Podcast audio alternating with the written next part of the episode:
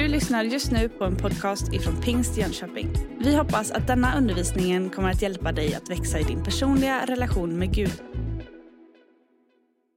Jag hade förmånen att få resa till Afrika alldeles nyligen och kom hem här i onsdags eftermiddag efter att ha varit med på en bönekonferens i Rwanda, predikat i Sydafrika och haft lite ledarsamlingar i Mosambik. Så det har varit en händelserik resa kan man säga. Men jag skulle önska att alla kristna i vårt land hade fått vara med på den där bönekonferensen. Och jag har lovat mig själv att så fort jag vet när det händer igen så ska vi ge dig så mycket information så att du också kan vara där.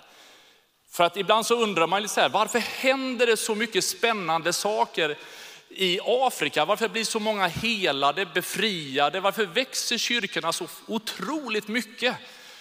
Och när man är med på den här bönekonferensen så får man inte alla svar, men man inser att ja, det finns en passion, en hängivenhet, en hunger, en längtan som är så otroligt påtaglig.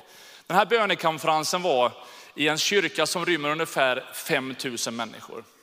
Och kyrkan var knökfull av människor som var där för att ropa till Gud. Bön och fasta från halv nio på morgonen till halv nio på kvällen. Ingen paus. Det enda som blir en liten variation är när man tar fram en kör som sjunger eller ett lovsångsteam som leder i lovsång eller när någon predikar. För varje dag var det tre stycken predikningar, annars var det liksom bön. Vi från Norden fick lite dispens för klimatet så att vi fick gå upp ett, eh, på pastorsexpeditionen och dricka lite äppeljuice när vi kände att vi behövde lite vätskepåfyllning. Det var liksom någon slags trä, andligt träningsläger även för en pastor. Att 12 timmar bara vara sådär inför Herren. I Sydsudan, ett av världens fattigaste länder, så berättade man och pratade man om den här bönekonferensen och sa, vill ni åka med så kom. Och man arrangerade en resa som innebar att man reste i över tre dygn på otroligt konstiga vägar, på otroligt konstiga bussar och betalade sex månadslöner för att vara där. Och ungefär 70 personer från Sydsudan hade åkt med för att bara be för Guds folk över världen. Och man känner bara den överlåtelsen, den hungern och längtan. Bara, Gud, vi behöver dig. Vi vill se mer av det du är. Och jag hade förmånen att liksom få vara där tillsammans med en del andra från Sverige. Och vid ett tillfälle så fick vi gå fram, hade med, vi fick en svensk flagga i vår hand. Och så fick vi berätta om några olika böneämnen som vi ville att de skulle hjälpa oss att be för. Och så fick vi böja våra knän, de fick be för oss. Och så under en lång stund så bad hela det här jätterummet av människor för vårt land. Och så byttes det här fokuset under hela det här, den här bönekonferensen. Man bad för land efter land efter land efter land. Och jag känner bara, Gud, vi behöver mer av dig. Men det är ju faktiskt så, precis som Mattias sa, att Gud är inte mer närvarande där i den meningen att han är mer intresserad av att vara där. Men det verkar finnas ett löfte som är kopplat till att när vi närmar oss honom så gensvarar han och då möter han oss där och han fyller på med allt det vi behöver. Så lite grann är det våran hunger efter mer utav honom som kan ibland påverka det vi ser runt omkring oss. Och en liten stund här ska jag ta dig med till några olika bibelord som jag hoppas skulle kunna få uppmuntra dig. Men jag tänker också att det är fars dag. Jag vet inte ifall du är en pappa och liksom känner att du blev ordentligt firad. Eller ifall du har tonårsbarn som liksom är på vift så att de ska fira dig senare under eftermiddagen. Eller vilken verklighet du har. I mitt liv så levde jag och min fru med ofrivillig barnlöshet i väldigt många år. Och då var de här tillfällena, mors dag och fars dag och allt sånt där, det var inget roligt. Och att som pastor ibland också stå och barnvälsigna kompisars andra, tredje barn när man själv ännu inte hade fått något barn, gjorde att alla de här högtiderna var lite så kopplat med lite blandade känslor. Tacksam till min pappa, men ändå den här gnaget i att inte själv kunna bli det. Kanske är det så att du har en liknande upplevelse här idag. Eller kanske har ganska många negativa bilder av vad din pappa gjorde eller sa eller inte gjorde eller inte sa till dig när du växte upp. Eller ni kanske inte har en så bra relation du och din pappa idag. Eller den här dagen kan ha många olika bottnar. Men Bibeln är så otroligt tydlig att han är en Gud för de faderlösa. Att han säger att du får kalla mig Abba fader. Du får vara mitt barn. Så att oavsett mänsklig, liksom, vad du har för erfarenheter av andra människor runt omkring dig, så vill han vara det bästa exemplet på vad fader på riktigt innebär. Jag skulle önska att även du den här söndagen, att du skulle känna att Gud kommer dig till mötes och att du får känna att det där barnaskapet du har i honom ger dig kraft att inte bara överleva den här dagen, utan för lång tid som ligger framför. Ska vi bara resa oss upp och så ber vi en bön tillsammans ytterligare alldeles strax. Paulus han talar ut att jag ber att era hjärtans ögon ska få ljus så att ni förstår vilket hopp han har kallat er till. Hur rikt och härligt hans arv är bland de heliga och hur oerhört stor hans makt är i oss som tror. Och jag skulle önska att det här hoppet vi har i Gud, att, det, att du den här dagen skulle få se uppfyllelsen av den här, bön, liksom den här bönen som Paulus ber. Att du skulle bara få en upplysning. En sån här bara, wow, nu fattar jag. Det Gud är för mig, det Gud har för mig, det Gud har lovat mig, det som jag har liksom, får med mig liksom i det som ligger framför. Allt det där bara ligger så tryggt i hans händer. Och nu får vi någonstans rama in det i den här fars dags söndagen. Att bara säga, Gud du som är vår far, tack för att du tar hand om oss. Herre, nu ber vi dig för resten av vår gudstjänst. Herre, jag tackar dig för dina löften om att du vill vara på våran sida, att du vill bära oss, att du vill frälsa oss, att du vill förlåta oss, att du vill rena oss, att du vill befria oss. Tack Gud för att allt det vi längtar efter, Herre det finns i dig, Herre det finns ingen högre Liksom, det finns ingenting som är bättre än dig Herre. Vi bara ber att du skulle uppenbara för oss mer vem du är och mer vad du har. Och Herre, du vet också hur våran värld just nu blöder. Herre, du ser all den oro som finns både i Ukraina och i, i Israel och ut över land och riken över världen. Herre, vi ber om fred över Israel, vi ber om fred i Ukraina, vi ber om fred i Azerbajdzjan och i Armenien och i Etiopien. Herre, vi ber dig att våld skulle få sluta. Herre, vi ber att du skulle komma här att bara befria och läka. Men tack för att du inte bara ser världskonflikterna, utan du vet också saker som vi brottas med. Saker som vi längtar efter att få se annorlunda. Tack för att du kan gripa in, tack för att du har all makt. Och tack för att du vill uppenbara det för oss idag. I Jesu namn. Amen, amen. Varsågod och sitt ner.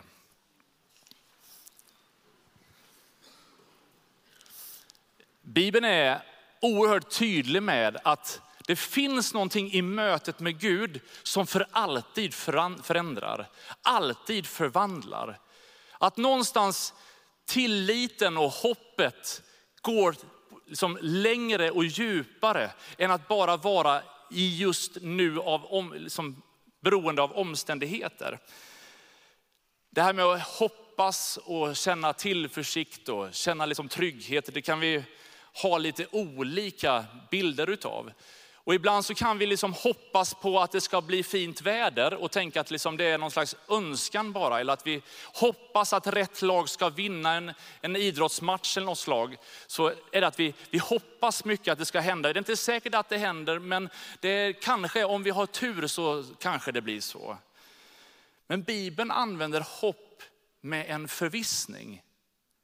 Det är inte så att vi på något sätt, det kanske, om vi har riktigt tur så kommer det, utan det med högsta sannolikhet kommer att bli så. Det finns ett hopp som bär, som gör att vi inte behöver bli så oroliga, inte tappa modet.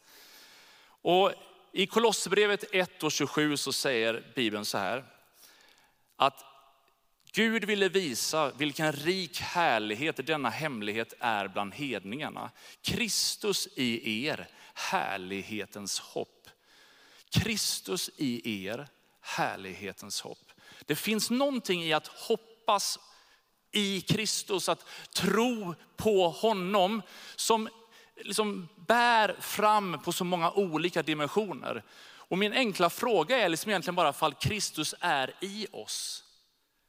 Är, är vi i Kristus? Är Kristus i oss? Och en del av den här hopplösheten som ibland inträffar i våra liv kan ibland göra att det är lite dunkelt i Kristus. Men när vi blir mer trygga i att vi är i honom så verkar vi få den framtidstro som vi behöver.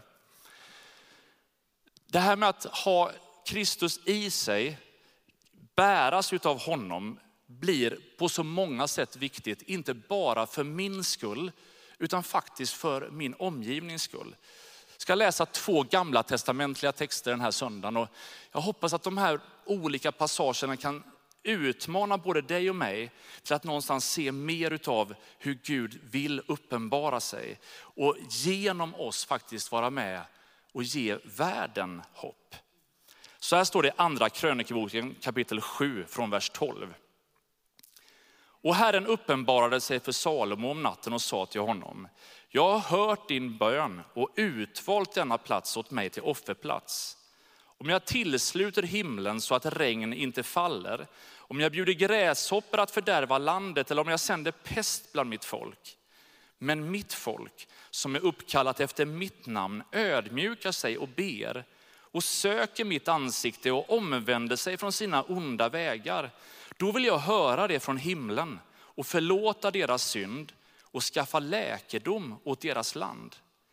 Mina ögon ska nu vara öppna och mina öron lyssna till vad som bes på denna plats. Jag har nu utvalt och helgat detta hus för att mitt namn ska vara där till evig tid. Och mina ögon och mitt hjärta ska alltid vara där. Om du vandrar inför mig så som din far David vandrade, så att du följer allt som jag har befallt dig och håller fast vid mina stadgar och föreskrifter, då ska jag låta din kungatron bestå för evigt som jag lovade din far David när jag sa, aldrig ska det saknas en avkomling av dig som råder över Israel. Här finns det några ordpar som hela tiden kommer. Det börjar med en ganska negativ skildring av hur, om det skulle bli riktigt illa, om landet skulle hamna i väldiga problem, så liksom börjar det där, men så kommer ett stort men. Och så flyttas fokus från allt det där som är omständigheter och svårigheter. Men om mitt folk, och så kommer några olika rekommendationer, direktiv eller konsekvenser som kan få en enorm välsignelse för hela omgivningen. Läkedom för hela landet. På vilket sätt är den kristna kyrkans böner avgörande för det land den är satt att tjäna? På vilket sätt behöver du och jag sträcka oss efter mer utav det Gud har för oss. För det skapar välsignelser, beskydd, det gör någonting för hela vår omgivning.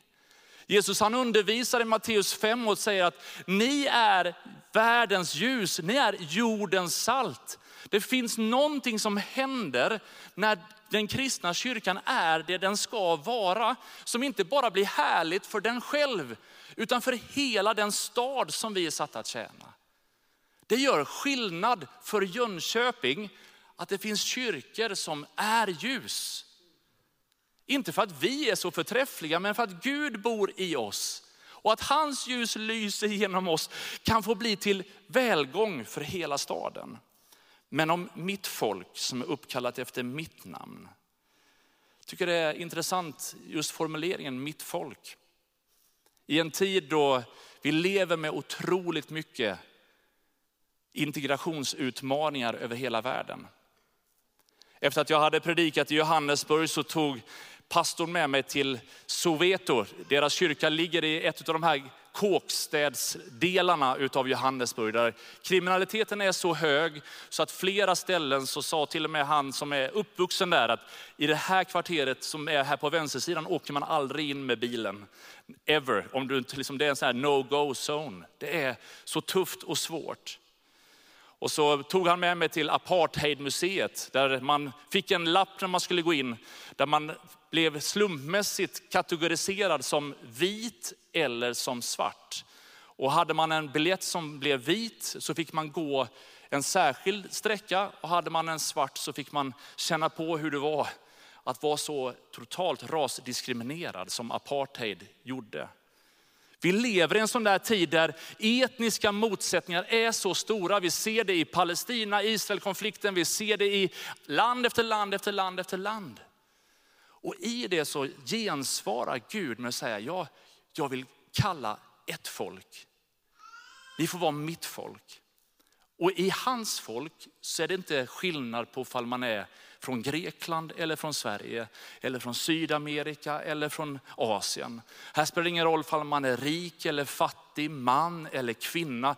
I Guds folk får alla vara med. Det finns en enhet när Guds folk kommer samman.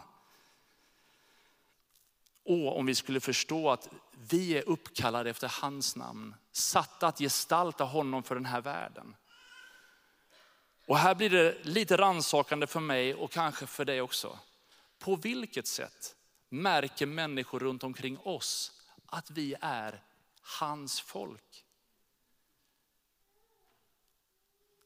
På vilket sätt möter människor som möter mig, hur mycket möter de Kristus då? Märks det att vi har med honom att göra? Eller är det alla andra kategoriseringar som hela tiden slår igenom? Men om mitt folk som är uppkallade efter mitt namn ödmjukar sig. Och det här blir också en utmaning. I en tid då vi gärna vill skylta med allt på Instagram och sociala medier och visa på vad vi har upplevt, vilka vi umgås med och vart vi har rest och vad vi har gjort. Att någonstans ödmjuka sig och säga, bara, Gud, det handlar inte om att bygga mitt eget varumärke eller göra min egen grej, utan jag vill leva mitt liv till din ära. Att ödmjuka sig och säga, Gud jag, jag kan inte lösa det här själv, utan jag sätter mitt fulla hopp och min förtröstan på dig. Att bara erkänna, ja vi har ett kors i vår flagga. Vårt land har ett kors på sin flagga, men det där korset verkar inte riktigt finnas i folket. Att ödmjuka sig och bara inse att jag, Gud jag kommer till korta så många gånger, jag är hopplöst förlorad om det inte vore för din villkorslösa kärlek. Jag har ingenting i mig själv att berömma mig utav, men jag sätter min fulla förtröstan på det du har gjort på korset. Tack för att du älskar mig. Men om mitt folk ödmjukar sig, ber och söker mitt ansikte. Det är så många böneämnen på min bönelista, jag vet inte ifall du har samma. Saker man känner bara, Gud det här skulle jag önska var annorlunda. Det här skulle jag behöva din hjälp med. Det här skulle jag behöva att du griper in. Här skulle jag behöva ett mirakel. Här skulle jag behöva lite vägledning. Och Gud är god, han vill verkligen ge sina barn goda gåvor. Men jag tror att han också längtar efter att vi bara umgås med honom. Att vi lägger ifrån oss att göra listan och säger bara, Gud nu vill jag bara vara tillsammans med dig. Jag söker hans ansikte. Hela det uttrycket av att söka hans ansikte är att verkligen ha en hunger och längtan efter att se Gud så som han är. Och det är det som jag blir påminn om på den här andliga träningslägret i Rwanda som jag var på. Att någonstans bara känna, Gud du bara väcker min hunger efter att få se ännu mer utav bara vem du är. Att bara stå i förundran utav vem han är. Att ge sig hän i lovsången, i tillbedjan. Och I Afrika så är det väldigt få sånger man kan. Det är väldigt få takter som man riktigt förstår om det är på ettan eller fyran eller sexan eller vart någonstans man ska på något sätt klappa med. Men man bara känner bara, jag måste bara stämma in i tillbedjan. För jag längtar efter att få möta Gud. Jag behöver mer av honom. Mitt folk ödmjukar sig, ber och söker mitt ansikte. Jesus säger i Matteus 5 att saliga de som hungrar och törstar efter rättfärdighet, de ska bli mättade. Kan det vara så att en del av våran liksom omättnad, otillfredsställelse i livet bygger på att vi söker tillfredsställelse i så många andra saker. Vi skulle vilja att livet var mer av det här och det här och det här. Och så tror vi att någonstans om vi bara gör så, om vi gör så, om vi gör så här. Istället för att bara söka honom, han som är vår herde. Är han vår herde skall ingenting fattas oss. Den djupaste tillfredsställelsen i livet är att vara nära honom. när vi söker hans rike först, när vi längtar efter hans rättfärdighet först, ja då ska allt annat få tillfalla oss. Tänk om vi kunde förstå i vilken ordning saker och ting ska komma i våra liv. Och när man inser detta så är det ganska enkelt att förstå konsekvensen av att jag behöver omvända mig. Det var det som hela den här bibeltexten liksom landar in i, att jag ropar till Gud och jag är beredd att omvända mig från mina egna vägar. Det som är viktigt för Gud, det som Guds ord säger. Jag bara känner, jag ödmjukar mig och jag böjer mig under det. Och jag säger bara Jesus nu vill jag att ditt ord ska få vara rättesnöret, vägledningen för inte bara läran i kyrkan utan som riktmärken för hela mitt liv. Jag är beredd att positionera mig utifrån vad är som är på Herrens hjärta, vad som bultar i honom. Ber jag att det skulle få hända i mig. Saliga de renhjärtade. De ska se Gud. Det är också från bergspredikan. Det verkar som att om jag är beredd att söka hans ansikte och uppenbara liksom saker i mitt liv och ge honom tillgång till att korrigera mig och vägleda mig. Och när jag på något sätt inte då är hård och någonstans vill gå min egen väg och som någon slags trotsig fyraåring fortfarande, även om jag är en vuxen kropp. Utan jag bara säger, Gud jag ödmjukar mig. Din väg är viktigare för mig än min egen väg. Din vilja är högre än min. Ja, då verkar det som att jag någonstans också i det blir både förlåten, ser Gud, hör Gud, berörs av honom på det sätt som jag faktiskt djupast kanske längtar efter. Tyckte det var intressant, jag lyssnade till en genforskare från Uppsala för ett tag sedan. Som är liksom superproffs, jag kan inte ens alla hans titlar i den där professuren han har utav genetik. Och, och han är en personlig kristen och han läste några gamla testamentliga ord om förbannelser och välsignelser i släktled. Och talade liksom om den här att när, när vi omvänder oss från en del dåliga livsvanor så är det inte bara att vi mår bättre som människor. Utan alla de där sakerna som kan bli dåliga livsmönster kan faktiskt påverka generna som du sen skickar vidare i kommande generationer. Vilket innebär att en god omvändelse är inte bara för din skull utan för kommande generationers skull. Och han liksom vred och vände på det här. Jag fick en helt annan dimension av vikten av att leva enligt det som är Guds tanke med mitt liv. Kan det vara det som ibland uppfattas som moralpredikningar, att det finns faktiskt en hel del saker i den här som är bra för oss att följa. Och lever vi i det så är det inte bara bra för oss, utan vi skapar goda förutsättningar för de som kommer efter oss. Och i den här dramatiken så vänder det sen i att allt det här blir saker som är på vår planhalva, men då gensvarar Gud. Om vi närmar oss Gud på det här sättet, då finns det ett löfte. Då ska jag höra från himlen. Då ska jag förlåta deras synd och jag ska skaffa läkedom åt deras land. Låt mig ta dig med till Jesaja. Har du din bibel med dig så slå upp Jesaja 58 så ska vi läsa ganska många verser där innan vi går ner för landning av den här predikan. Men det är en liknande dramatik och liksom hur författaren liksom beskriver både det här som är på våran planhalva och det som sen blir Guds svar. Ropa för full hals, håll inte tillbaka. Höj din röst som en basun och förkunna för mitt folk deras brott, för Jakobs hus deras synder. De söker mig dag efter dag och vill gärna lära känna mina vägar.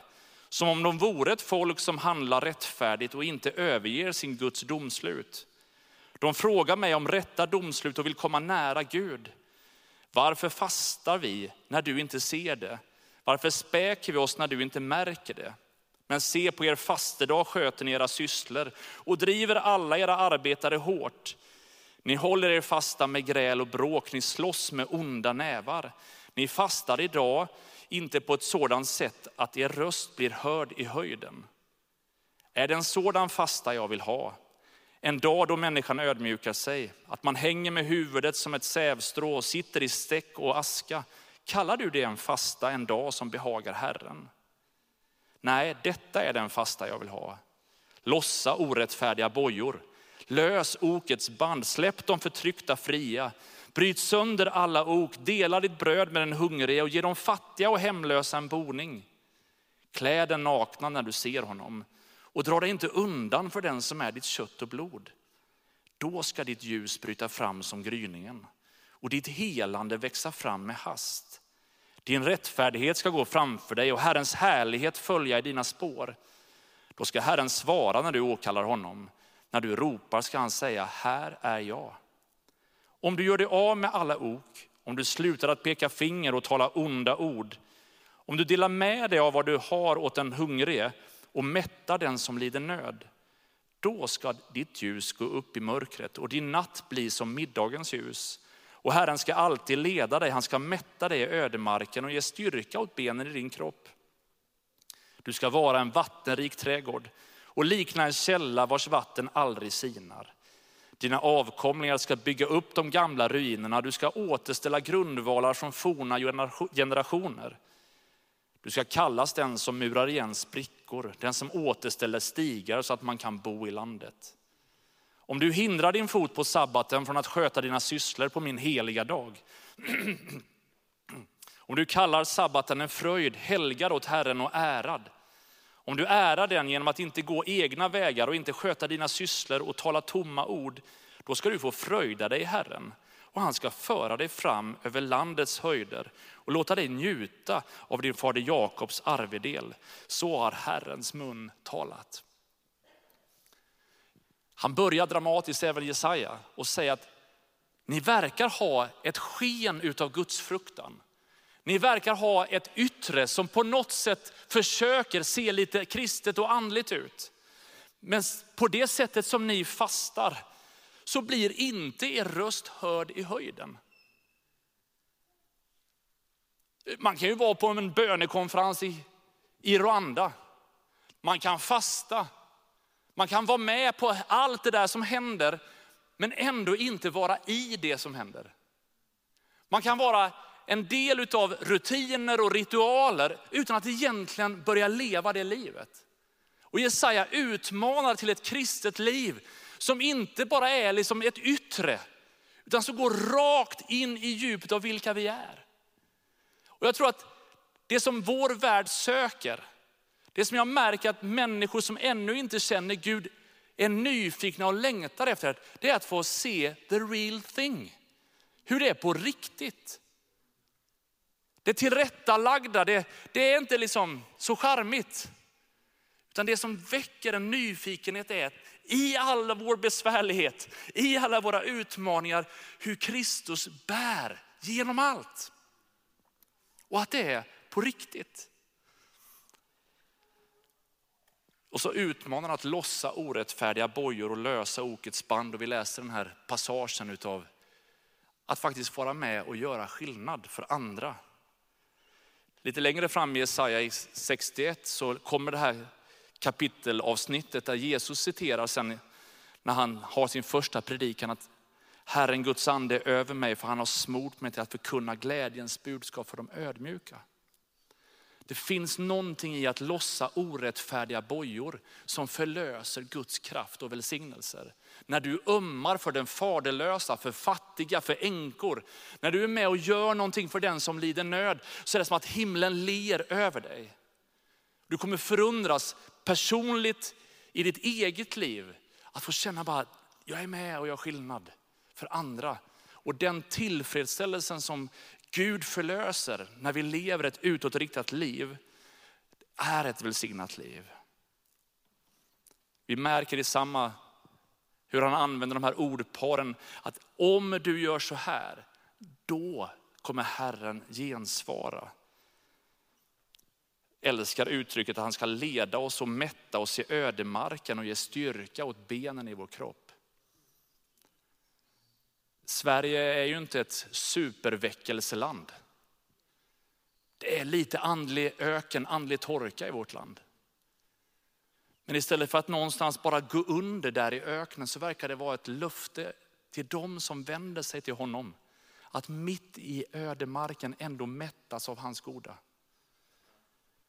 Det är inte omständigheterna som styr kyrkans framtid, utan det är Gud själv som håller den och han står fast vid sina löften. Han kommer vara med. Och så kommer han ge styrka åt benen i din kropp. Jag vet inte om det är så här ålderstecken när man får allt svårare att på något sätt ta benen ut ur sängen. Man har sådana här gubbljud när man reser sig upp ur soffan. Ibland bara, upp, nu tar man i lite grann. Skulle behöva lite mer energi in i kroppen. Och jag är så otroligt tacksam för att det löfte som Gud ger är att han vill ge allt det vi behöver. Men det handlar inte bara om att göra rätt, utan i den här bibeltexten så står det också att det finns några saker vi inte ska göra. Jag ska hindra min fot från att inte överge sabbaten. Att inte sköta mina sysslor på Herrens dag, utan att någonstans förstå sabbatens helgd och ära. Att låta den en dag i veckan få vara Herrens dag har den kristna kyrkan praktiserat. När judarna hade sin sabbat och sen när Kristus uppstod på söndagen så blev liksom den första dagen i veckan det som den kristna kyrkan sagt, det här är Herrens dag. Låt oss helga den. För att låta den dagen få bli en sån här ständig påminnelse om vem han är och vilket förbund vi har med honom. Och om vi kunde förstå, även där, att gå till kyrkan på söndagen, att fira gudstjänst med hela hans kropp, är inte bara för min skull, utan det verkar ha löften som påverkar alla.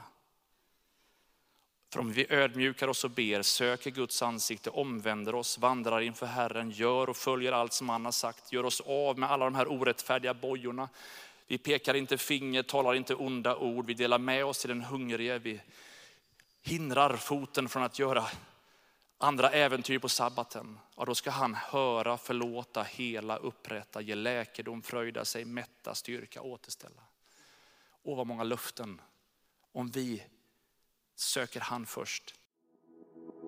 Du har just lyssnat på en podcast ifrån Pingst Jönköping. För att få reda på mer om vilka vi är och vad som händer i vår kyrka så kan du gå in på pingstjonkoping.se eller följa oss på sociala medier via pingstjkpg.